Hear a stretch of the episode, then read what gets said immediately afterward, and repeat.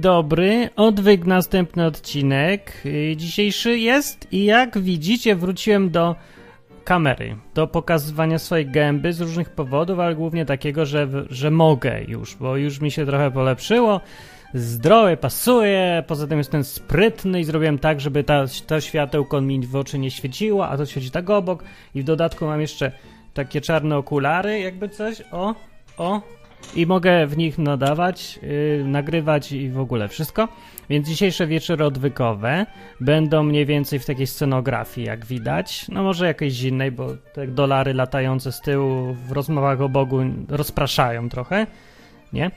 Yy, no i, ale przyjdźcie, przyjdźcie we wtorki o 8 zawsze na żywo możemy pogadać. No dobra, dzisiaj tematem będzie pieniądz.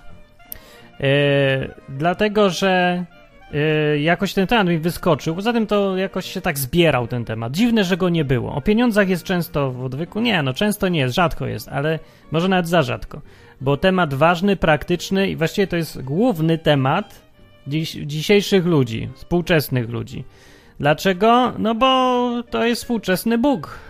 No, znaczy jeszcze ojczyzna może być drugim współczesnym Bogiem, ale pieniądze są tym najważniejszym, tym czymś takim podstawą. Jak nie wiadomo o co chodzi komuś w życiu, jak jego działania są trudne do wytłumaczenia, to, no to o pieniądze chodzi, nie?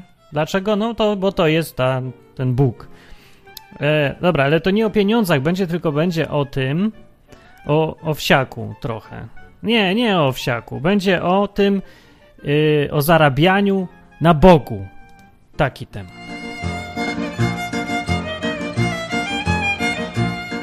E, Dobrze, bo mówię, bo mi się jakoś przypomniał. Ktoś mnie zapytał ostatnio. Poza tym, jak sobie wejdziecie na przykład na jakiś dziennik.pl albo jakieś inne, to na dziennik.pl możecie zobaczyć taki artykuł dzisiejszy. Owsiak jego złoty melon, czyli jego spółka. Szybka odpowiedź na artykuł we wprost. Przypomnę, tak jak ktoś nie wie, albo nie przypomnę, tylko powiem, bo nie wiem, czy to kogoś interesuje w ogóle. No ale to był taki gorący temat ostatnio, że owsiak, nie, właśnie to był gorący? Nie, nie wiem jaki był.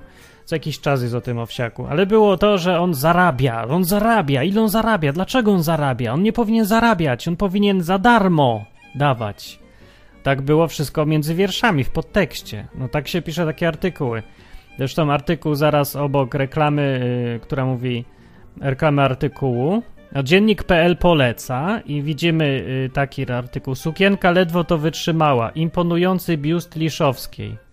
A obok jest Stockinger o problemach kotulanki, alkohol i rzeczy depresyjne. A obok z czego żyje owsiak? Pyta w swoim artykule wprost. To jest jakiś temat strasznie ważny dla ludzi. No i teraz związany, jak widać właśnie to chyba jest no, ludzie mają problem we współczesnym świecie z tym, że y, jakieś takie niezdrowe podejście do pieniędzy i zarabiania. Ja się zastanawiam, czy oni uważają za złe w ogóle samo, sam fakt zarabiania, czy tylko niektóre z, y, sposoby zarabiania. Na przykład y, można przedstawić sytuację takiego owsiaka, co zbiera pieniądze i potem kupuje za to sprzęt do szpitali. Można przedstawić w ten sposób, że owsiak zarabia na chorych dzieciach. Nie? No bo jakby nie było chorych dzieci, on wykorzystuje to, że chore dzieci potrzebują mieć i te, no coś tam w szpitalu, nie wiem, jakieś maszyny i on zbiera pieniądze na te maszyny i przy okazji zarabia sobie jeszcze. No więc y, owsiak zarabia na chorych dzieciach. A jakby zbierał dla umierających staruszków, no to to już w ogóle skandal, bo owsiak zarabia na śmierci staruszków. I to też patolog, prawie Hitler normalnie, nie?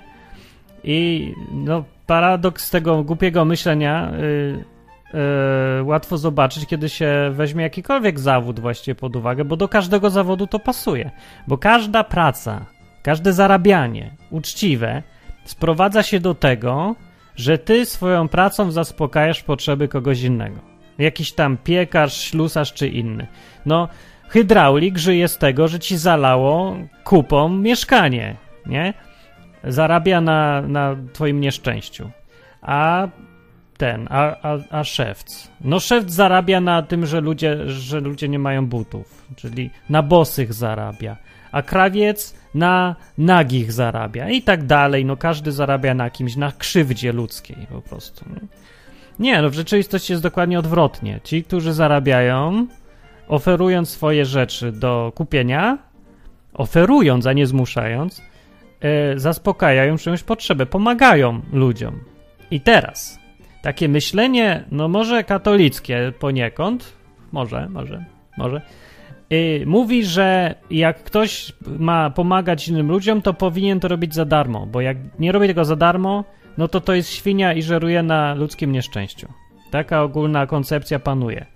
Ta koncepcja jest, ja uważam, jakaś idiotyczna, bo według tej koncepcji yy, każdy, kto zarabia, to jest niegodziwa świnia. Każdy powinien za darmo dawać. Ja się mogę zgodzić, że fajnie by było w tym świecie, gdyby tak można było, gdyby wszystko było za darmo, każdy robił za darmo i każdy dostawał za darmo, ale nie jest tak w tym świecie, bo nie żyjemy w raju, wszystkiego brakuje i, i, no tak jest i tak będzie i nikt na to nic nie poradzi. Można sobie wymyśleć dowolne systemy, ale one nie będą działać z powodu takiego, że człowiek jest egoistyczną istotą dosyć. I większość ludzi nie będzie za darmo.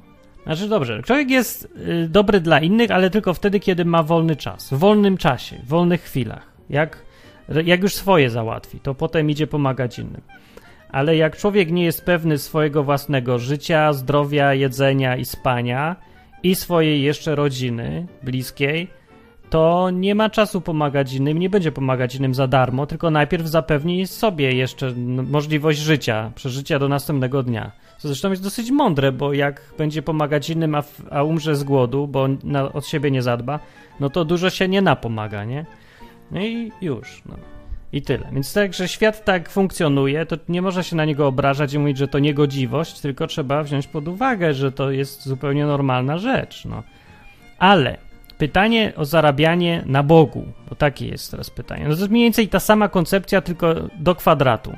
Ktoś zarabia na Bogu, to mamy zaraz odruch, że to jest e, tłusty, wstrętny ksiądz i do tego na pewno pedofil, jeździ wielką Toyotą i to wszystko krzywdą wiernych jest. Zapłac, płaci z krzywdy wiernych, którzy mu dali pieniądze. I tu właśnie rozumowanie trochę y, się sypie, bo, bo dali mu z własnej woli te pieniądze. Przecież ksiądz nikogo nie zmusza, żeby mu dał na tacę. Chyba, że zmusza, ja nie wiem. Albo za ślub. Ludzie strasznie narzekają na tych księży, że biorą za ślub. No to po co im dajecie? Ja nie rozumiem. Zmusza? No, może zmusza, ale to jest wybór, czy się skorzystać z tej usługi pod tytułem ślub, czy nie skorzystać. To człowiek sobie wybiera, nie? Idzie do księdza, płaci, albo nie płaci i nie idzie do księdza. No ale ludzie mówią, że ksiądz ma obowiązek robić te rzeczy i ma obowiązek robić za darmo. Przy okazji cytowana jest Biblia w takich y, chwilach. Te fragmenty, które pasują oczywiście do koncepcji, na przykład y, darmo wzięliście, darmo dawajcie. Koniec cytatu. Taki wyrwany z kontekstu kompletnie cytat na Hama, tylko te słowa, nieważne w jakich okolicznościach, kto do kogo i co dostał za darmo i co ma dawać, ale w ogóle wszystko. Za, dostaliście za darmo, to dawajcie za darmo. A właściwie to najlepiej zacytać w ogóle końcówkę tego zdania. Nie, że darmo wzięliście, darmo dawajcie, tylko darmo dawajcie. Koniec. No więc jak ktoś chce w ten sposób czytać Biblię, to szczęścia mu życzę, ale sobie nic, do niczego prawdziwego nie dojdzie w tej Biblii, tylko sobie powymyśla własne koncepcje jakieś i uzasadni sobie, jak mu się podoba. Ale nikogo to na nie nie przekona, nawet nikogo, kto jakiegoś mózgu używa. Więc nie, Biblia tak nie mówi. Znaczy, Biblia mówi, to zdanie dotyczy konkretnej kwestii. W Biblii jest napisane: darmo wzięliście, darmo dawajcie. Jezus to mówił do swoich uczniów, kiedy ich wysyłał w świat, żeby pracowali z ludźmi. W, w, tym kontekście Królestwa Bożego, czyli mieli uzdrawiać, wyrzucać demony i, i także takie uprawiać rzeczy, które y, pomagają ludziom bardzo tak. I, i jako, że za darmo wzięli, Jezus im nie sprzedał daru uzdrawiania, tylko dał za darmo, to mówił im, że by robili też to za darmo. Za co łaska, nawet bez co łaska, bez, bez żądania czegokolwiek w zamian. Ktoś da, to da, nie da, to nie da. I tyle. Ale robić i tak mają. Taka, e, no i wynika to z tego, że dostali za darmo. No i to samo jest w kwestii zbawienia, ratunku Jezusa, nie? Jezus wziął i, chociaż nie no, to nie było za darmo. No ale, no bo zapłacił za, za to całe koncepcję zbawienia, ratunku przed sądem Boga. Koncepcja jest taka, że Jezus wziął i się dał zabić po to, żeby inni ludzie, jeżeli chcą skorzystać, mogli skorzystać z tego, że już jego zabili i sami nie ginąć. To jest taka ofiara po prostu, podstawiony został Jezus za każdego, kto chce, żeby Bóg się wyżył na nim, zabił go na koniec i, i starczy. Raz za porządnie i teraz, jako że już zapłacone to zostało, wina to wina y, człowieka, który miałby zostać ukarany przez Boga, jest już skasowana, zapłacona już po prostu. Jeżeli człowiek się na to zgodzi. To jest właściwie streszczenie całego Nowego Testamentu, Ewangelii, czy jak to nazwać, tej koncepcji, o której w ogóle chodzi w chrześcijaństwie. Nie? Ewangeliści mówią dokładnie to, co ja powiedziałem, tylko oni to jakoś tak ładnie mówią, mam krawat i, i, i się emocjonują tym wszystkim strasznie. No, ale treść jest taka. No i teraz, jako że to było za darmo, to, co Jezus zrobił, za to się człowiek nie płaci, tylko korzysta sobie. Za dary, dary duchowe są za darmo. Jak spotkacie kogoś, kto tam na dar uzdrawiania czy coś, tego zapytajcie, ile za to zapłacił, to trochę się zaskoczy go to pewnie. Za darmo dostał. No i, no i teraz Jezus mówił, to za darmo, to róbcie za darmo. I teraz jest taka sytuacja, że niektórzy chcą za to pieniędzy. Są w ogóle trzy sposoby, tak sobie wymyśliłem, może jest czwarty, ale ja widzę trzy sposoby na zarabianie na Bogu: Kościół, ewangelizacja, czy tam jakieś inne głosicielstwo i biznes. Na przykład sprzedawanie książek chrześcijańskich, muzyki chrześcijańskiej, chrześcijańskie filmy i ogólnie wszystko, co się da sprzedać, jest chrześcijańskie. To taki biznes. Czy które z tych trzech rzeczy są ok? A które są wbrew Bogu i są jakimś przejawem y, tego, że się ma mamonę za Boga, a nie Boga za Boga.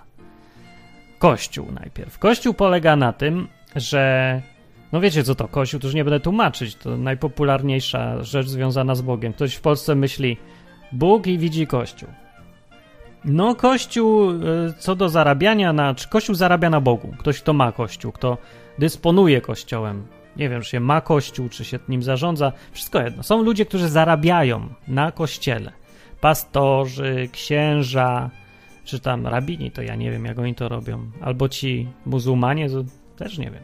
No, ale w naszych tutaj warunkach, jakie mamy, europejsko-polskich, y, no mamy księdza najpopularniejsze, albo ewentualnie pastora. No oni zarabiają, zarabiają dostają pieniądze za to, co robią, za obsługę kościoła, za msze, za nabożeństwo, wszędzie są te tace, albo na konto się wysyła do kościoła, w kościołach protestanckich się, no, to tak mają, na konto proszę, na konto, dziesięcina, 10% często mówią. I teraz są dwa podejścia w kościołach. Pierwsze mówi, że to jest obowiązek. Taki, no nie, że prawny jakiś, ale z obowiązek z punktu widzenia Biblii i Boga. Obowiązek dawać pieniądze kościołowi a tak naprawdę nie kościołowi, tylko kadrze kierowniczej. Nie? Bo do tego się to sprowadza. No, obowiązek wynika z tego, że była kiedyś dziesięcina i że prawo mówi, żeby dać tą dziesięcinę i Bóg chce, żebyś dawał i jeszcze obietnica, że to on ci dużo da, tylko daj pastorowi pieniądze. Eee, druga koncepcja jest taka, że no, że się zbiera co łaska i żadnej tam, e, za, poza tym żadnej koncepcji nie ma, że trzeba. Nie trzeba, można, fajnie by było, potrzeba jest, to daj. Jak masz, nie dasz, to też dobrze, będziemy i tak robić swoje. Pierwsze podejście uważam za błędne, czyli ta dziesięcina obowiązkowa. Nie ma obowiązkowej dziesięciny w Biblii. Jest, ale w Starym Testamencie. W Nowym Testamencie, w nowych warunkach, za nowego przymierza, kiedy nie ma już kapłanów oddzielnych, tylko każdy wierzący jest kapłanem, nie ma dziesięciny, bo nie ma komu dać. Bo nie ma kapłanów oddzielnych. Możemy sami sobie dać tą dziesięcinę teraz. Więcej. Starotestamentowa e, dziesięcina była związana ze świątynią. Ci, którzy pracują wokół świątyni, mają dostawać podatek taki, ustanowiony przez Boga. Lewici, kapłani i tak dalej. W Nowym Testamencie, jeżeli już brać starotestamentowe zasady do sytuacji chrześcijańskiej, w Nowym Testamencie świątyni nie ma. Kościół, czyli budynek, taki tam zbór, kaplica, czy co to tam kto ma, nie jest odpowiednikiem świątyni ze Starego Testamentu. To jest ważne. Nie wiem, czy był odcinek o świątyni. E, co jakiś czas mówię o tym. E, ważne, żeby o tym pamiętać, żeby was ktoś głupot wam nie mówił i was nie nabrał taki sprytny sposób. Świątynią według Biblii w Nowym Testamencie jest człowiek. Ciało każdego człowieka jest świątynią Ducha Świętego. Tak jest to nazwane. Zwróćcie też uwagę, że Jezus kiedyś przy rozmowie z Samarytanką czy z Nikodemem w Ewangelii Jana w czwartym czy trzecim rozdziale mówił, że e, z tą Samarytanką, tą kobieta jakaś przyszła mu tam, stała przy studni, on się chciał napić, oni tam gadali i ona mówi do niego w którymś momencie, że wy Żydzi mówicie, że trzeba oddawać Bogu cześć w świątyni. Tak jak dzisiaj się często mówią księża, katolicy, biskupy i tak dalej, i nawet i u protestantów trzeba w świątyni. Protestanci też tak mówią. Czyli ile razy słyszałem uzasadnienia, dlaczego trzeba chodzić na nabożeństwo? Bo nie opuszczajcie wspólnych zebrań, mówi Biblia. Tak mówią. No tak mówi Biblia rzeczywiście, tylko gdzie tu jest dalej napisane o tym, że to nabożeństwo jest wspólnym zebraniem, albo że wspólne zebranie ma być w kościele i w budynku. Więc nie, nie. Ta zasada, żeby chodzić do kościoła, u protestantów to jest wzięta po prostu z kościoła katolickiego i już. A z kościoła katolickiego jest wzięta z przekręcenia starotestamentowej zasady w dziwaczny sposób na, do, do warunków chrześcijaństwa. Tej zasady, że wszystko się kręci wokół świątyni tego budynku. No, a tak naprawdę odpowiednikiem, i to wyraźnie mówi Biblia, wprost, że świątynią której należy oddawać cześć. Przy tej rozmowie z Samarytanką Jezus o tym powiedział, że nie ma. E, powiedział jej tak, tak jak powiedział, że przychodzi godzina i już nawet jest, że nie będzie się oddawać Bogu czci w świątyni ani na górze, którą tam Samarytanie uważali, że zamiast świątyni to na górze jakieś trzeba. Jezus powiedział, że nie będzie takiego miejsca. Nie będzie się oddawać Bogu czci w miejscu, tylko po prostu w duchu i w prawdzie. Duchowo. I po, i tak jak trzeba, zgodnie z rzeczywistością. I mówił, że, je, że Bóg szuka takich, którzy mu tak cześć, cześć oddają, nie w świątyni. Oderwał się zupełnie od tej świątyni i zmniejszył jej znaczenie, nawet bagatelizował. Biblia zresztą i w Starym Testamencie wprost mówi, że Bóg nie mieszka w świątyni. Mówi ogólnie, Bóg nie mieszka w ogóle w budynkach zbudowanych ręką ludzką. No więc o ile ta świątynia, czy tam kościół, czy kaplica nie spadła z nieba, to nie ma najmniejszej podstawy uważać tego budynku za miejsce, gdzie się oddaje, które, które było, które jest, starotestament, które jest nowotestamentowym odpowiednikiem świątyni ze Starego Testamentu. Nie ma takich miejsc. Odpowiednikiem jest człowiek, ciało. Odpowiednikiem z kolei e, kapłanów też jest człowiek, wierzący. Więc wychodzi na to, że wierzący powinien e, sam sobie albo drugiemu oddawać dziesięcinę, jeżeli już te zasady stosować. I już. Więc nie kościołowi, nie kadrze kierowniczej, bo nie ma w ogóle w Nowym Testamencie czegoś takiego, że jakaś kadra jest kierownicza, która, której się należy oddawać pieniądza. E, no i ogólnie o ludzi, no, o ludzi chodzi i, i już. Świątynia to ja, e, kapłan to ja i ty i oni, no i już. No, więc to takie długaśne uzasadnienie odnośnie kościoła. Yy, dwie koncepcje mówię. Pierwsza się obowiązek jest fałszywa, twierdzę. Druga, co łaska. I zarabianie na Bogu, czy to jest. No nie wiem, że jest zarabianie na Bogu. Można sobie to tak określić. No jest zarabianie na Bogu. Jeżeli ktoś dostaje co łaska. Ale yy, ponieważ nie jest to przymusowe w żaden sposób, czy jest? No nie jest. Jak nie jest, to nie widzę żadnego problemu. Mówienie zarabiać na Bogu brzmi źle, dlatego że Boga się tutaj w tym zdaniu stawia jako przedmiot, a nie podmiot, że jako wykorzystany jest Bóg do czegoś, potraktowany jako instrument, pionek w, twoim, w twojej ręce. I ty sobie nim manipulujesz po to, żeby zarabiać. Taka koncepcja jest. No i jak to tak się powie, to to brzmi źle. I rzeczywiście człowiek w ogóle sobie myśli, zarabiać na Bogu, no to źle.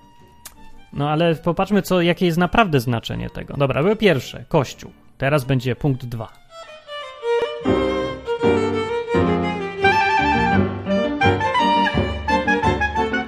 Punkt drugi mam taki. Zarabianie na głosicielstwie wszelkim, ewangelizacjach i tak dalej. No w Stanach Zjednoczonych to jest popularne, w Polsce dużo mniej. Chodzi o takie, na przykład są ci y, telewizyjni kaznodziejowie, którzy głoszą, się mówi głoszą, ale w, w, Polsce też są takie rzeczy. No ale wiecie, o których mi chodzi, nie? Takie telewizyjne. Ci wszyscy są ubrani w te białe garnitury i szaleją na tej scenie i Bóg, Bóg, Bóg, a potem na koniec jest zawsze konto i płaci i dużo pieniędzy ludzie dają. No, ale w, w Polsce też są tacy. No Radio Maryja co innego robi? Zarabia na Bogu, nie? Czy to jest złe, czy dobre? No, to ja już mówiłem na ten temat. Ale zarabia na Bogu. Zarabia bierze pieniądze za coś, co jest y, za przysługę, usługę, za coś, co robią, co ma związek z Bogiem i co bez Boga by w ogóle nie robili. Więc, no jest na Bogu. Oparte, na Bogu zarabiają. No zarabiają. No, no dobrze. E, czy to jest nieuczciwa praktyka jakaś? Nie widzę w tym nic nieuczciwego, bo jak mówię, nie ma tutaj nic przymusowego znowu. Ludzie dają z własnej woli. E, czy dają za coś, co. Znaczy, nie wiem, że płacą za coś, a nie dostali w zamian tego, co mieli dostać? Czyli tak, jakby ktoś kupował przez Allegro, czy towar by był. Czy towar był zgodny z opisem, czy nie był? Zgodny był z opisem. Ci, co dają na Radio Maryja, w ogóle najpierw dostają radio, audycję, msze, czy co oni tam jeszcze puszczają, a potem dopiero dają co łaska. Więc tu nie ma w ogóle możliwości, żeby był towar niezgodny z opisem, bo najpierw go dostali, przetestowali, cieszyli się nim, e, a potem płacą już. Więc zarabia na e, Bogu Radio Maryja, ale zarabia uczciwie. Tak. I trzecia rzecz, która najbardziej może nas interesować, nas, bo ludzie, którzy e, zajmują się Bogiem, jakąś, nie wiem, Boga traktują za coś poważnego w swoim życiu, często do tego punktu trzeciego dochodzą i to jest biznes. Związany jakoś z Bogiem, czyli produkcja różnych chrześcijańskich rzeczy, albo na przykład jak księgarnia tole.pl e, sprzedaje wyłącznie książki katolickie, albo nawet czasem chrześcijańskie. No, ale tylko wokół tej tematyki. No i teraz człowiek zarabia na tym, dostaje sobie pieniądze, że tam sobie wypłaca, zarabia na Bogu. No zarabia na Bogu, no to powiedzmy sobie wprost, tak. Ale czy to jest złe? No tu jest możliwości y, nieuczciwości trochę więcej, bo można, no można robić jakieś takie lipne przedmioty, udawać, że są fajne czy coś, no ale to jak z każdym biznesem. E, więc to nie będę tłumaczyć, który biznes jest moralny, a który jest niemoralny, bo to w ogóle inny temat i zresztą taki dosyć oczywisty. Może nie, nie wiem, że coś jest oczywiste jeszcze w tej porąbanej rzeczywistości, gdzie wszystko na głowie stoi. No dobrze, ale tematem jest, czy zarabianie na Bogu jest złe. Czy, za, czy prowadzenie biznesu, w którym sprzedajesz coś, jakieś, nie wiem, bransoletki z napisem Jezus cię kocha, czy to jest moralne, czy niemoralne i czy Jezus by tak robił? Czy Jezus by prze, sprzedawał e, bransoletkę z napisem, co by zrobił Jezus? No, to, to jest pierwsze pytanie. No nie wiem, czy by sprzedawał, ale miał ten luksus, że nie musiał, bo inni pracowali i mu tam dostarczali. To też dobrze było i wszyscy byli zadowoleni, bo znowu nikt nie robił niczego z przymusu. W Nowym Testamencie co do dawania jest napisane, że ochotnego dawcę Bóg miłuje. To tak trochę staropolszczyzna dziwna. Chodzi o to, że temu, kto daje z własnej woli, Bóg jest przychylny, lubi, jak ktoś daje z własnej chęci, a nie dlatego, że musi, że interes, że biznes, że tak, taka jest opłata, tylko że jak sam siebie daje. No tak jest napisane i ogólnie, yy, no tak, z Biblii wynika, że Bóg lubi, yy, to się nazywa kiedyś jałmużna, ale to ma strasznie negatywny wydźwięk dzisiaj. Dawanie komuś dlatego, że ktoś potrzebuje. Po prostu lubi to i to jest jedna z takich dobrych rzeczy, takich czystych, dobrych rzeczy. Jak Jan pisał w pierwszym liście Jana, na końcu jest napisane, co jest prawdziwą pobożnością przed Bogiem, taką, co, jak można uprawiać pobożność. I on powiedział tak, żeby pomagać wdowom i sierotom, dając im po prostu, co łaska, tym, co potrzebują. To jest bardzo taka trochę zapomniana chyba w ostatnich czasach rzecz, ale powinna być zwyczajem każdego chrześcijanina. Uważam, żeby dawać jakieś tam chociaż grosze wszystko jedno, ale żeby to była, była norma, żeby to był zwyczaj taki. Tak jak w odwyku, yy, od iluś, to już lat chyba, dajemy takiej dziewczynce przez organizację Compassion International. Bianka dostaje od nas Blanka, nie Bianka. Czemu mówię Bianka? Aha, bo, bo taki film widziałem i mi się teraz miesza. No w każdym razie dosta, ta, taka dziewczynka mała, która dostaje yy, dużo dobrych rzeczy. Proszę, wysyła się co miesiąc przez Compassion International. Ona sobie mieszka w Meksyku, w takiej strasznie lumpiarskim miejscu. E, no takie no, bardzo lumpiarskie i duża bieda, więc można jej pomóc rozwijać się, wychowywać, mieć dostęp do kawałka edukacji, do normalnych ludzi i do Biblii przy okazji też. Więc da się, no i to jest jakiś rodzaj dawania właśnie, taki no jałmużna. To brzmi okropnie jałmużna, nie ma lepszego słowa. Donations, dotacje, no to dotacje niech będą. W islamie na przykład e, jest to jedna, e, jeden z obowiązków pobożnego muzułmanina człowieka Bożego, człowiek Boży powinien dawać jałmużnę. E, faryzeusze też dawali jałmużnę jako zwyczajną rzecz, jako takie uprawianie pobożności. No, ja w dzisiejszych czasach to się nazywa takie organizacje charytatywne, ale już samo to brzmienie, yy, znaczy sama nazwa już pokazuje, że to się zmieniło w coś bardzo dziwnego. No bo to powinno być dawanie osobiste, a nie organizacyjne. No, no trudno to, no, realistycznie patrząc, to ciężko jest dać komuś w Meksyku pieniądze co miesiąc bez udziału żadnej organizacji. Jak się ludzie organizują, żeby to robić lepiej i sprawniej, no to dobrze. Gorzej, kiedy to się robi zinstytucjonalizowane, że to wszystko jest jedna wielka formalność, że nie ma tam już człowieka, że to są mechanizmy, tylko że to system daje. Dostajesz od systemu, nie od człowieka. To jest kompletnie co innego. I jak Bóg mówił, Bóg powiedział, że y, miłuje dawcę y, ochotnego, ale z tego, jak, z, z tego, co Biblia mówi, to można zrozumieć, że człowieka. Chodzi o to, żeby człowiek dawał człowiekowi. I to, to Bóg miłuje, a nie to, że się zorganizuje system.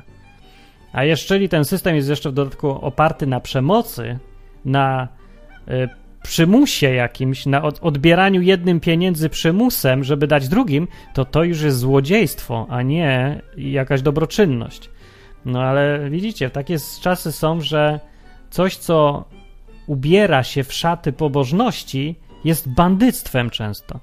No ale y, można się łatwo pomylić, kiedy człowiek jest prosty i wierzy na słowo, że y, służba zdrowia to jest dawanie za darmo y, zdrowia albo lekarstw. No nie no, do darmo to się daje swoje. Jak się komuś zabiera, zmusza go, żeby za, dał ci pieniądze, to jest już bandyctwo akurat. No, więc dobrze, ale to jest inny temat.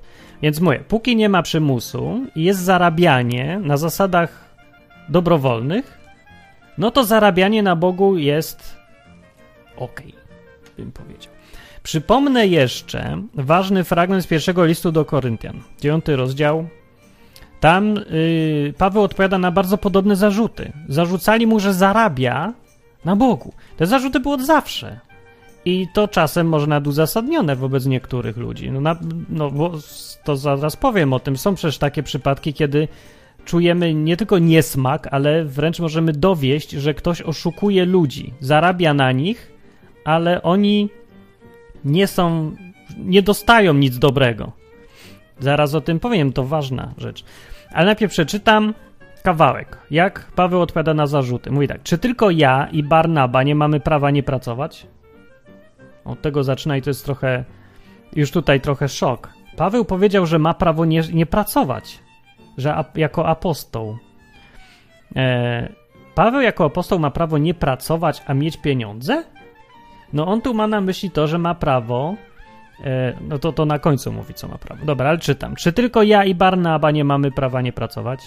Czy kto, kiedy pełni służbę żołnierską własnym kosztem? Kto zakłada winnicę, a owocu jej nie spożywa? Albo kto pasie trzodę, a mleka od trzody nie spożywa? Czy to tylko ludzkie mówienie? Czy i prawo tego nie mówi? E, albowiem w prawie mojżeszowym napisano Młócącemu wołowi nie zawiązuj pyska. Czy Bóg to mówi ze względu na, ze względu na woły?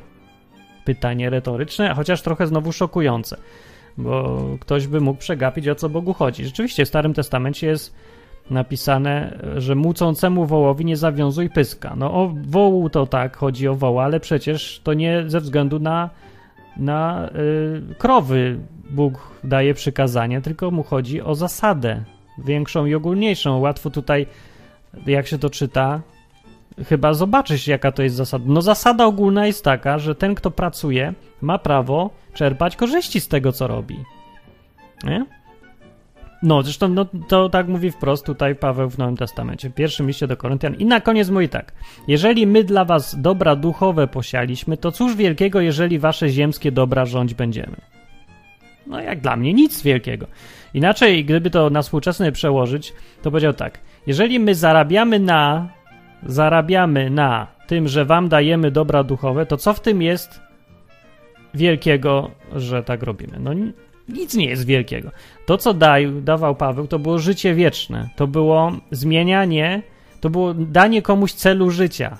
To było czynienie człowieka szczęśliwym. To było to, że nie miał ktoś tego, tej winy na sobie. To jest to, że poznał prawdę o Bogu, że dostał dary duchowe w związku z tym, że był szczęśliwy zwyczajnie. I w zamian, czy ma prawo na tym zarabiać, czy nie? Paweł mówił, że nic to wielkiego w tym nie ma, mamy absolutne prawo.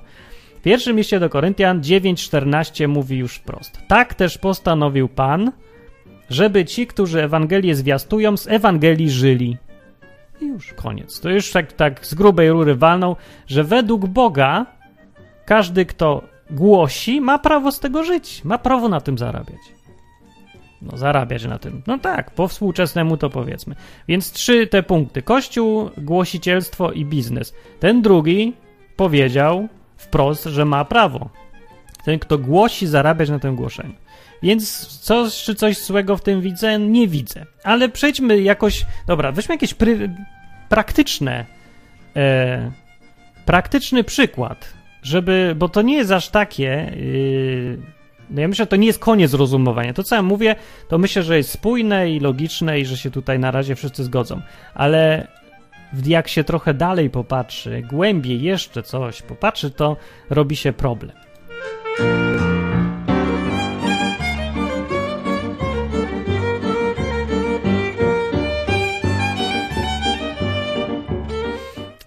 No bo weźmy na przykład, weźmy sobie pod uwagę Jezusa z Opola z panią Gus, czy Gas, nie wiem jak się nazywa. Wiecie, to są ci tacy ludzie, co jedna mówi, jeden mówi, że jest Mojżeszem, drugi, że, że Jezusem, a, a ta pani z Opola to ja nie wiem kim jest, Matką Boską?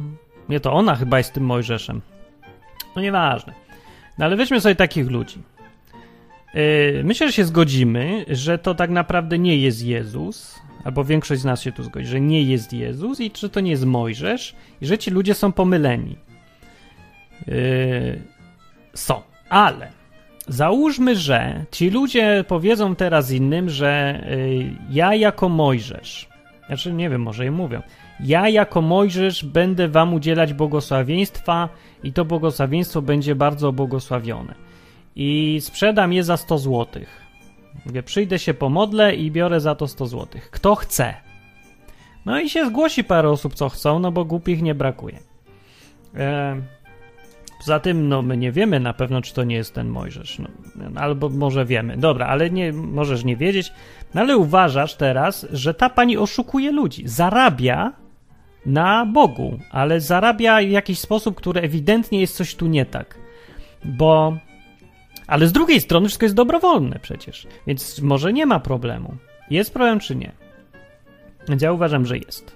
I już uzasadniam, dlaczego jest problem i, jest, i są wypadki, kiedy zarabianie na Bogu jest.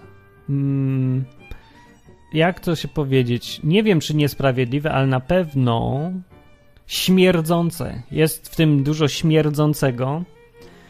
Polega sytuacja na tym, że mądry człowiek, inteligentny człowiek potrafi głupim i mniej inteligentnym manipulować. Potrafi go przekonać do czegoś, yy, i no, w ten sposób, że jego, że ten głupi z własnej woli coś zrobi, zapłaci na przykład za coś, e, tylko dlatego, że mądry go odpowiednio przekonał.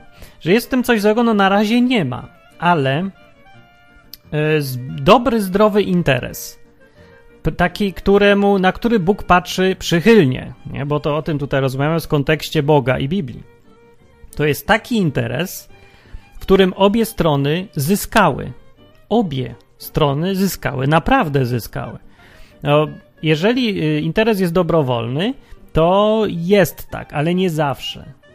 Jest tak tylko w tym przypadku, kiedy obie strony dobrze wiedzą, co, co dostają. Jeden dostaje pieniądze, drugi dostaje, nie wiem, usługę, rzecz, opaskę, podpaskę, wszystko jedno. Ale coś dostaje.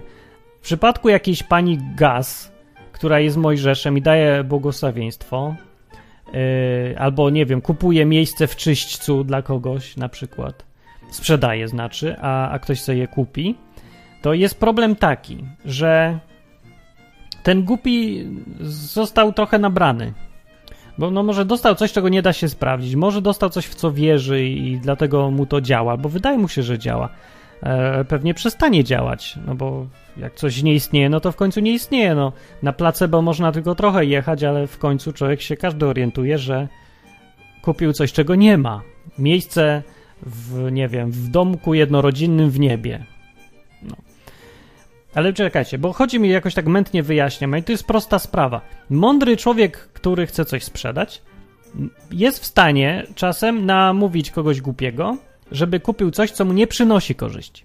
Może doprowadzić do takiej sytuacji, że ludzie się zamieniają podczas operacji jakiegoś kupienia, sprzedawania, zamieniają się czymś, nie? I jedna osoba nie dostaje czegoś lepszego niż miała. Czyli jedna osoba traci. Można więc zrobić tak, żeby było to, żeby była dobra wola. Obu, nie dobra wola, żeby była wolna wola obu stron. Żeby transakcja była dobrowolna. Na przykład pastor sprzedaje dobrowolnie ci coś, albo cię namawia, żebyś dał jemu pieniądze. Eee, ale ty jesteś głupszy i nie przemyślisz wszystkiego, dasz się ponieść emocjom, a on je umiejętnie tam stymuluje i wtedy mu dasz pieniądza. Albo ktoś tam głupi mu da. I nie ma tak, że obie strony zyskują. No nie ma, no nie zawsze tak jest. Ja wiem, że tutaj niektórzy próbują udowadniać, będą próbowali udowadniać, że jeżeli jest dobrowolne, to zawsze yy, ktoś zyskuje, bo się zgodził. Jeśli się zgodził, to znaczy, że uznał coś, co bierze, za wa bardziej wartościowe. Nie, uważam, nie zawsze. Wcale nie. No bo w tym momencie, kiedy on za coś płaci, to jest przekonany, że płaci za coś, co chce płacić. Ale e, to, co człowiek chce, to nie zawsze jest to, co jest naprawdę. Albo to, co człowiek widzi, to nie zawsze jest to, co jest naprawdę. O to mi chodzi. O. E, bo od kiedy to ludzie wiedzą, co jest dla nich dobre? No nie, nie za bardzo. Przeważnie nie wiedzą, co jest dla nich dobre i przeważnie to, co kupują, biorą, zbierają sobie, jest szkodliwe dla nich. Bardzo często tak jest. Ale oni to mimo wszystko biorą i tracą na tym. No i teraz jest tak, że mądrzejsza osoba, ja uważam, ja mam takie podejście, że mądrzejsza osoba od, odpowiada, jeżeli odpowiada za nie tylko to, co. albo nie. Znaczy, trudno trochę tłumaczy, bo jestem zmęczony po wczorajszym nagrywaniu Marszu Niepodległości. Ja, ja sobie to czekać. Zbiorę myśli, żeby to powiedzieć wprost.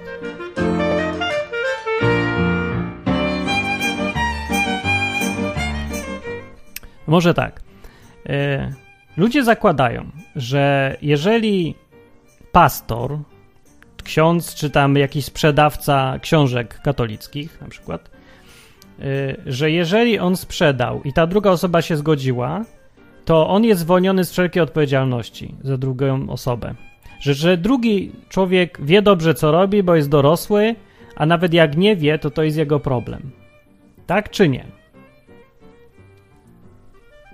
No, może i tak formalnie, ale ja uważam, że nie. Dlaczego ja uważam, że nie? Bo ja uważam, że chrześcijanin ma trochę wyższą podniesioną poprzeczkę ustawioną niż zwykły człowiek. Chociażby dlatego i chrześcijanin powinien nie tylko myśleć o swojej korzyści, ale korzyści swojej bliźniego też. Zresztą mówi wprost o tym Biblia, żeby myśleć o korzyści bliźniego a nie swojej tylko. Więc jeżeli ktoś jest, kto wykorzystuje swoją wiedzę, umiejętności manipulacyjne albo umiejętności wzbudzania emocji do tego, żeby zarobić więcej, e, no to, to uważam, że jest problem taki. Jeżeli zarabia więcej dając w zamian coś, co jest tego warte, to okej. Okay. Ale ten mądrzejszy człowiek, który sprzedaje, czy tam sprytniejszy, jest w stanie widzieć i wiedzieć, jaką korzyść dostanie ten ktoś drugi, z którym on ma jakieś tam stosunki handlowe. Czyli pastor powinien wiedzieć, bo jest pastorem, bo jest tym mądrzejszym. I jak jest tym mądrzejszym, to odpowiada. Powinien więc wiedzieć, czy daje coś wartościowego tym wszystkim swoim słuchaczom, e, na tyle wartościowego, żeby to, co dostaje na tacy, było usprawiedliwione. Bo jeżeli nie jest i on jest tego świadomy, że opowiada im kompletne pierdoły, albo jakieś brednie im opowiada te same co wszystkim i tak naprawdę niczego to nie zmieni w ich życiu. Jeżeli on wie, jeżeli on choćby podejrzewa to, a mimo to przyjmuje od nich co łaska, to powinien przynajmniej mieć problem z sumieniem, czy to zrobić, czy nie zrobić. Powinien się czuć źle. I słusznie się czuje źle. I to jest takie zarabianie na Bogu, o które mi chodzi, że to nie jest dobre zarabianie na Bogu. Zresztą na przykład, nie wiem, ja mam problem z y, przemysłem e, muzyki chrześcijańskiej. Bo ja wiem, czy ona jest taka dobra, ale chrześcijanie płacą dwa razy więcej za jakąś płytę, kasetę czy tam co, za piosenkę chrześcijańską, tylko dlatego, że to jest piosenka chrześcijańska. No to w Stanach tak przynajmniej wygląda. To jest jakaś paranoja trochę. No niby to robią z własnej woli. Robią to z własnej woli, ale przecież yy, ja mam świadomość, że jeżeli popatrzeć tak z góry na to wszystko, to widać, jak ta sprawa wygląda. Sprawa wygląda tak, że są e, tak sprytnie i fajnie manipulowani przez całą tą kadrę producentów i pastorów i tą, ci wszystkich, wszystkich, którzy żyją z Boga na co dzień. Oni robią, podchodzą marketingowo. Pieniądze się stały tym głównym powodem robienia tego, co robią. Chociaż tak nie jest na początku. Wiecie, jak wygląda procedura? Ona wygląda, to jest straszne, bo człowiek się nie orientuje, kiedy przestaje robić coś dla Boga, a robi dla pieniędzy. Dlatego, że początek jest taki: robisz coś dla Boga, e, nie wiem, sprzedajesz książki o Bogu, uważasz, że są dobre, autentycznie to robisz i zarabiasz na tym, ale zarabiasz na tym wiedząc, że dajesz komuś coś wartościowego. I to jest elegancki, super początek ale potem zaraz w trakcie robienia tego orientujesz się, że istnieje zasada. Zasada yy, taka. Sprawdza się ta zasada, ona naprawdę jest, istnieje. Zasada, że im lepiej robisz coś, im lepszy jesteś w tym, co robisz, im lepszej jakości, nie wiem, książki piszesz chrześcijańskie, albo im lepsze kazania mówisz, to tym więcej ludzi przychodzi, tym więcej ludzi ci daje pieniędzy. Więc wyczuwasz, że jest korelacja. Dostajesz tym więcej, im lepiej coś robisz. I pieniądze są znacznie wygodniejszym miernikiem e, jakości Twojego działania. W ogóle we, we, wszystkim tak jest. Nie tylko w, tym, w tej kwestii zarabiania. To się może, co mówię teraz, przydać e, wielu z Was, którzy macie jakieś interesy, robicie czy coś w życiu, firmy, e, bo to jest niebezpieczeństwo dla każdego. Więc ponieważ robiłeś coś najpierw z pasji i z przekonaniem, że dajesz ludziom coś dobrego i w zamian oczekujesz pieniędzy, bardzo słusznie. Ale nagle zrozumiałeś, zobaczyłeś, że możesz mierzyć swój poziom do robienia tego dobrze pieniędzmi, zwyczajnie. No bo jak sprawdzisz, czy twoja chrześcijańska książka jest dobra? Nie wiem, opiniami? No może. Może opinie, no ale dużo lepszy wskaźnik jest taki, że dużo zarobiłeś na niej. To znaczy, że ludzie z własnej woli kupowali i chcieli. Nie? Więcej ludzi kupiło tą książkę niż poprzednią, więc ta musi być lepsza zwyczajnie. No, cieszy się powodzeniem z jakiegoś powodu. Proste. Nieprawdziwe, prawdziwe. Prawdziwe. I ponieważ jest tak wygodny wskaźnik, te pieniądze, to przestajesz już e, używać innych wskaźników. I zostaje ci po jakimś czasie, już patrzysz tylko na wskaźnik pieniędzy. Patrzysz na to, krótko mówiąc, ile zarabiasz a że chcesz, chciałeś już wcześniej, od początku każdy chce robić coraz lepiej to, co robi, to przetłumaczyłeś sobie tą chęć na chcę zarabiać jak najwięcej, bo jedno z drugim jest powiązane silnie. Jeżeli zarabiasz więcej, to dlatego, że lepiej coś robisz. Tak. I do tego momentu to wszystko jest w porządku, gdyby było, gdyby się na tym kończyło, ale nie kończy się. Bo następny etap jest taki, że yy, myślisz już tylko tym wskaźnikiem pieniężnym i zapominasz, bo, bo nie używasz już tego, zapominasz po co to robiłeś, zapominasz o tej pasji, zapominasz o tym, yy, czy to jest pożyteczne w ogóle dla ludzi, bo nie musisz o tym myśleć, bo wystarczy tylko sprawdzić, ile na tym zarabiasz. I wystarczy się skupić na tym, żeby zarabiać więcej. Zarobisz więcej, kiedy ludzi przekonasz, żeby kupili i tak dalej. No i... Yy, i teraz w sytuacji jesteś takie, że już myślisz tylko o pieniądzach, o tym maksymalizacji zysku, co było dobre do tej pory, ale teraz przestaje być. Dlaczego? Bo odkrywasz sposoby sprzedania komuś czegoś bez zwiększania jakości. Te sposoby to w skrócie ja bym powiedział, to się nazywa marketing. Tak naprawdę to nie jest dobre określenie, no to sobie, to są takie sposoby typu jak to lepiej opakować, jak lepiej namówić, czy zrobić coś w piątek czy w czwartek, czy napisać cenę 7,99 zamiast 8, nie? Takie jakieś triki. E, to wszystko się przelicza na pieniądze i człowiek, który już jest na tym etapie, że mierzy jakość tego, co robi pieniędzmi, zrobi to, będzie to robił chętnie. No, ale potem odkrywa znowu, że dużo prościej i łatwiej jest e, używać tych metod łatwego zarabiania, niż zastanawiać się nad jakością tego, co robisz. Dużo trudniej jest poprawić książkę, żeby była lepsza, bardziej jakościowa, niż e, jest trudniej to zrobić, niż na przykład zmienić kolor na okładce z zielonego na czerwony, żeby bardziej bił po oczach i więcej ludzi kupi. Więc ostatecznie kończy się ta cała droga tym, że myślisz już tylko o pieniądzach, że zajmujesz się marketingiem, sprzedawaniem dużo więcej niż tym, co w ogóle robiłeś. Już nie myślisz o, to, o tym, po co to robisz, dla kogo czy coś, tylko o tym, żeby jak najwięcej sprzedać. I masz głowę pełną już tylko pieniędzy. I to jest źle, to nie jest dobrze, bo to widać, ludzie to widzą, twoi czytelnicy widzą, ile y, jest już teraz w tym tego właśnie sprzedawania, a ile jest tego dobrego, co im tak naprawdę dajesz.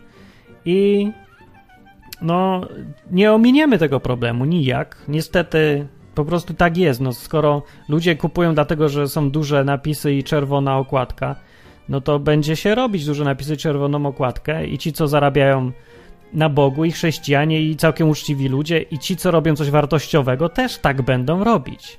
Bo jak, jak nie będą tak robić, to są zwyczajnie głupi i robią na szkodę tego, co robią. No, no ale to nikt tak nie będzie robił, bo to bez sensu. Jeżeli napisałem fajną książkę pod tytułem yy, Przegląd Jezusów Polskich, to, yy, to chcę, żeby ona gdzieś tam była czytana. No więc nie ma, nie uważam, żeby coś było złego w tym, że teraz, yy, że ją nazwałem Przegląd Jezusów Polskich i dałem śmieszną okładkę zamiast ją nazwać Rozważania teologiczne Martina Lechowicza w latach 2007 do 2010. No mogłem dać taki tytuł. Mogłem.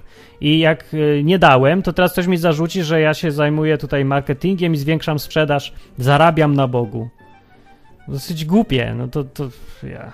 Jak ktoś ma takie argumenty, to niech mi pokaże, jak robi swoje, robiąc tytuły takie, jak powiedziałem, przegląd, analiza i tak dalej i surowa okładka ze zwyczajnym jednym napisem na samej górze, czcionką najprostszą, jaka istnieje. No to proszę bardzo, no, nie chcesz, żeby tego czytali, to tak rób, no. Ale ja bym chciał, żeby czytali, bo uważam, że to dobre, że to się przyda, że to jest przydatne. Eee, no, więc to jest niebezpieczeństwo ogólnie, ja tak jakoś długo się rozgadałem o tym, ale ja myślę, że obrona przed tym bo, no bo to jest obrona, bo to jest coś szkodliwego. Dla chrześcijanina przede wszystkim, nawet dla niechrześcijanina, dla każdego uczciwego człowieka, dla człowieka z pasją. E, taki efekt, o którym mówiłem, że przechodzi się od pasji do marketingu, jest szkodliwy. Strasznie szkodzi i e, po jakimś czasie człowiek przestaje mieć chęć w ogóle tworzyć, bo widzi, że dużo większą e, opłacalność ma wtedy, kiedy nie robi porządnie, nie tworzy porządnie, tylko kiedy dobrze opakowuje. I więc się potem załamuje i zniechęca strasznie do tego wszystkiego.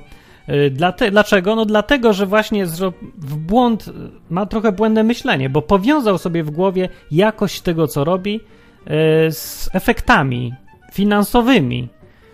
A tak naprawdę nie ma takiego wcale silnego powiązania. To znaczy, są rzeczy i znamy na pewno takie rzeczy, które są fantastyczne, a są tanie albo za darmo, a znamy rzeczy, które są tandetą, ale są drogie i wszyscy kupują. Więc to nie ma właśnie silnego wcale takiego powiązania. Więc jeżeli coś robisz, a nie zarabiasz na tym, to się znowu nie stresuj tak, bo to niekoniecznie dlatego, że robiłeś coś źle, że to, co robisz, jest yy, bezwartościowe. Chodzi bardziej o to, że to jest nieatrakcyjne. Ale to, że jest nieatrakcyjne, nieprzyciągające, to nie znaczy, że jest bezwartościowe jeszcze. Może, ale nie musi znaczyć. No. Więc niestety w tych takie czasy, zresztą to w każdych czasach było tak samo. No. Wiecie, Jezus jak robił to, co robił, to miał ten sam problem, nie?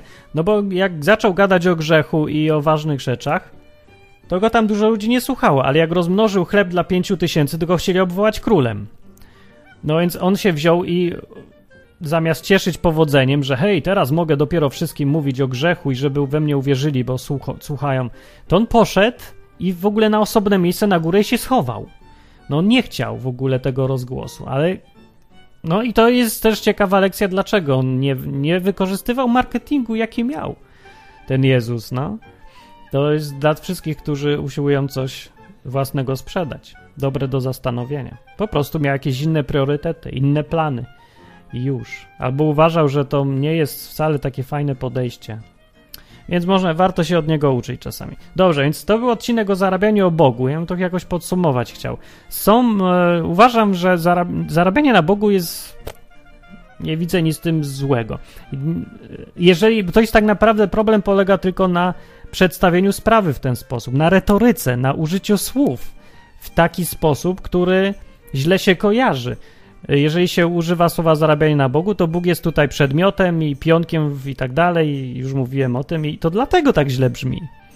Ale jak sama Biblia mówi, że sam Pan postanowił, żeby ci, co zwiastują Ewangelię, zewangeliżyli, nie jest nic w tym dziwnego, a prowadzenie interesu e, dla chrześcijan, albo przez chrześcijan, albo opartym na chrześcijańskich zasadach, to jest to są te same zasady, co w każdym innym biznesie. Zwykły biznes, jeżeli jest uczciwy i jest, Bóg przychylnie na to patrzy, no bo interes to jest zaspokajanie kogoś potrzeb, jeżeli obie strony zyskują w zwykłym biznesie, to w chrześcijańskim biznesie tym bardziej Bóg powinien patrzeć przychylnie na to, bo dlaczego nie? E, my sobie ubzduraliśmy tylko w głowie, że jeżeli coś jest związane z Bogiem, to musi być za darmo, ale skąd ten pomysł, że musi być za darmo? Dlaczego ma być za darmo? W ogóle nie ma czegoś takiego jak za darmo, przecież wszystko kosztuje. Jeżeli człowiek sprzedaje książkę chrześcijańską, dlaczego oczekujemy, że tylko robienie tego za darmo będzie uczciwe? Sprzedawanie Biblii jest nieuczciwe? Rozdawanie Biblii jest tylko uczciwe? Dlaczego? Ktoś musi wydrukować tą Biblię. Ten papier kosztuje i ten druk kosztuje. Ktoś musi zapłacić. Drukarnia nie będzie drukować za darmo, bo drukarz musi coś jeść.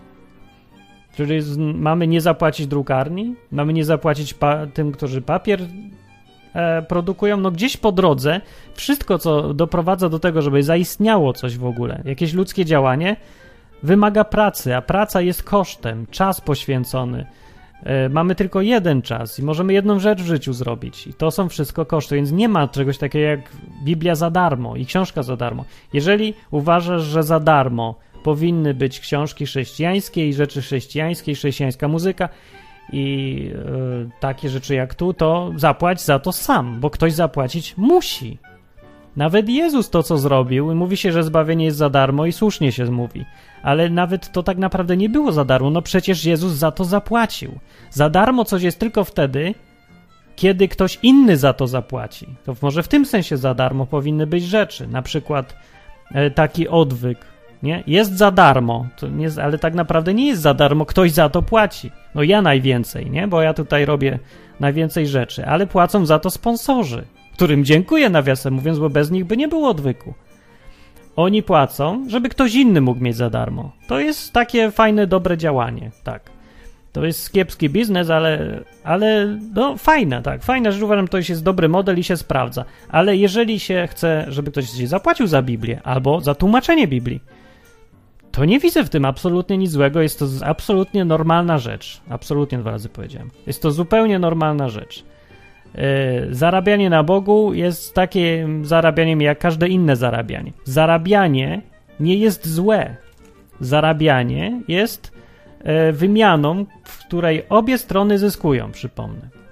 Więc nie jest złe, jest robieniem czegoś dobrego dla ludzi.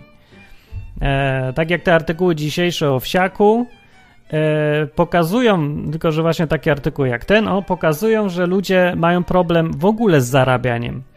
Owsiaka się czepiają za to, że zarabia, tak naprawdę. No, czy ktoś może powiedzieć naprawdę, ktoś przy zdrowych zmysłach może powiedzieć, że owsiak sobie na to nie zasłużył? Że nie jest, że powinien za darmo zbierać pieniądze i dawać je szpitalom i robić całą tą robotę organizacyjną potwornej wielkości? Robić musi za darmo, a jak nie robi za darmo, to jest złodziejem? No przecież daje cały czas. Musi za darmo jeszcze dawać? Nie, to jest dziwne myślenie z bardzo dziwnych czasów i wynikająca z bardzo dziwnych koncepcji, nieprawdziwych. No. E, więc jakby się ktoś czepiał e, was, że zarabiasz na Bogu, to powiedz e, z wielką e, satysfakcją, tak, zarabiam na Bogu. I co w tym złego? I niech on ci teraz wymyśli, co w tym złego. No bo powinno być za darmo. No, powinno być, a ludzie powinni latać, ale nie jest za darmo, bo wszystko kosztuje. Bóg się nie sprzeciwia temu, żeby ci, którzy żyją z Ewangelii, nawet, znaczy, którzy zwiastują Ewangelię, zarabiali, żyli z tej Ewangelii, e, więc tym bardziej rzeczy mniejsze, typu druk książek, albo jakichś tam duperelków fajnych chrześcijańskich, albo e, wykładów, albo szkół biblijnych, nie ma powodu, żeby to było za darmo. Zresztą, jak mówię, nie może być, nie jest za darmo. Nie ma powodu, żeby było sponsorowane wszystko. Dlaczego ten, kto korzysta, ma nie płacić, tylko musi sponsor? Nie wiem. No i są takie sytuacje, kiedy ten wtedy jest właśnie trudno. Jak już mówiłem, ludzie nie zawsze wiedzą, co jest dla nich dobre, albo mogą się przekonać po jakimś czasie dopiero, że coś jest dla nich dobre. Dlatego model na przykład sponsorowania dobrowolnego ja bardzo lubię. Jakbym był, chciałbym, żeby ludzie, większość ludzi była na tyle uczciwa, żeby albo na tyle rozumiała, że nie ma nic za darmo, żeby mógł rozdawać swoje książki, naprawdę rozdawać i spodziewać się, że ktoś, kto dopiero przeczyta i stwierdzi, że książka była dobra, dopiero wtedy zapłaci. No tak by było idealnie, gdyby ludzie nie byli, jak to powiedzieć ładnie, no powiem brzydko, żeby nie byli w duszy złodziejami. Po prostu głęboko w sercu większość ludzi jest złodziejem. Uważa, że dostawanie czegoś dobrej jakości za darmo jest absolutnie normalną rzeczą, a nie wykorzystywaniem kogoś nieuczciwie, jego pracy. Czyli dostaje coś, ale nic nie daje w zamian i uważam, że wszystko w porządku. No, większość ludzi niestety ciągle tak uważa, ma takie podejście i dlatego nie można tak robić. Szkoda, bo by świat był lepszy, gdyby ludzie trochę więcej uczciwości w sobie mieli. Można by naprawdę uniknąć wielu problemów. Na przykład z książkami, nie? Bo trudno się kupić, kupić książkę, bo nie wiesz, czy będzie dobra. Wiesz, czy była dobra dopiero jak ją przeczytasz, no ale żeby ją przeczytać, to musisz najpierw kupić, no ale nie kupisz, bo nie wiesz, czy jest dobra. Nie, problem, no problem. Ten uczciwość by po, jakaś taka uczciwość wewnętrzna ludzi by ten problem rozwiązała. Także ogólnie im więcej chrześcijan będzie, albo ludzi o moralności wysokiej, bo i ateiści przecież jak dla mnie jakimś, nie wiadomo dlaczego, ja tego nie, nie umiem wytłumaczyć, dlaczego ateiści chcą być uczciwi wewnętrznie. Na przykład, dlaczego ateista miałby y, taką książkę przeczytać, a potem dopiero zapłacić z własnej woli, kiedy nie musi już? Nie wiem, to jakbym ja był ateistą, to bym nie płacił, bo, bo niby czemu miałbym? Już przeczytałem i nie zapłacę, nie muszę. Co mi to? Jaka dla mnie korzyść z tego? Żadna.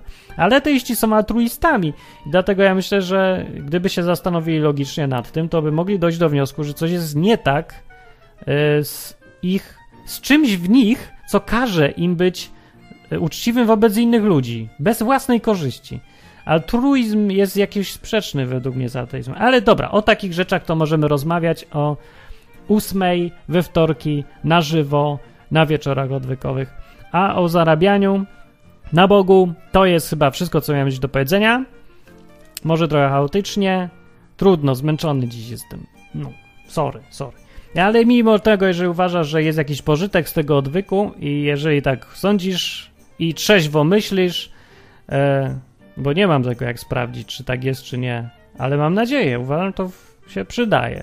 Niektóre rzeczy z tego, co mówię, bo inaczej bym nie miał ten. Miałbym problem z sumieniem, żeby, żeby w ogóle coś wziąć od sponsorów Ale uważam, że jest tak, spoko, że to, że to nie jest takie złe.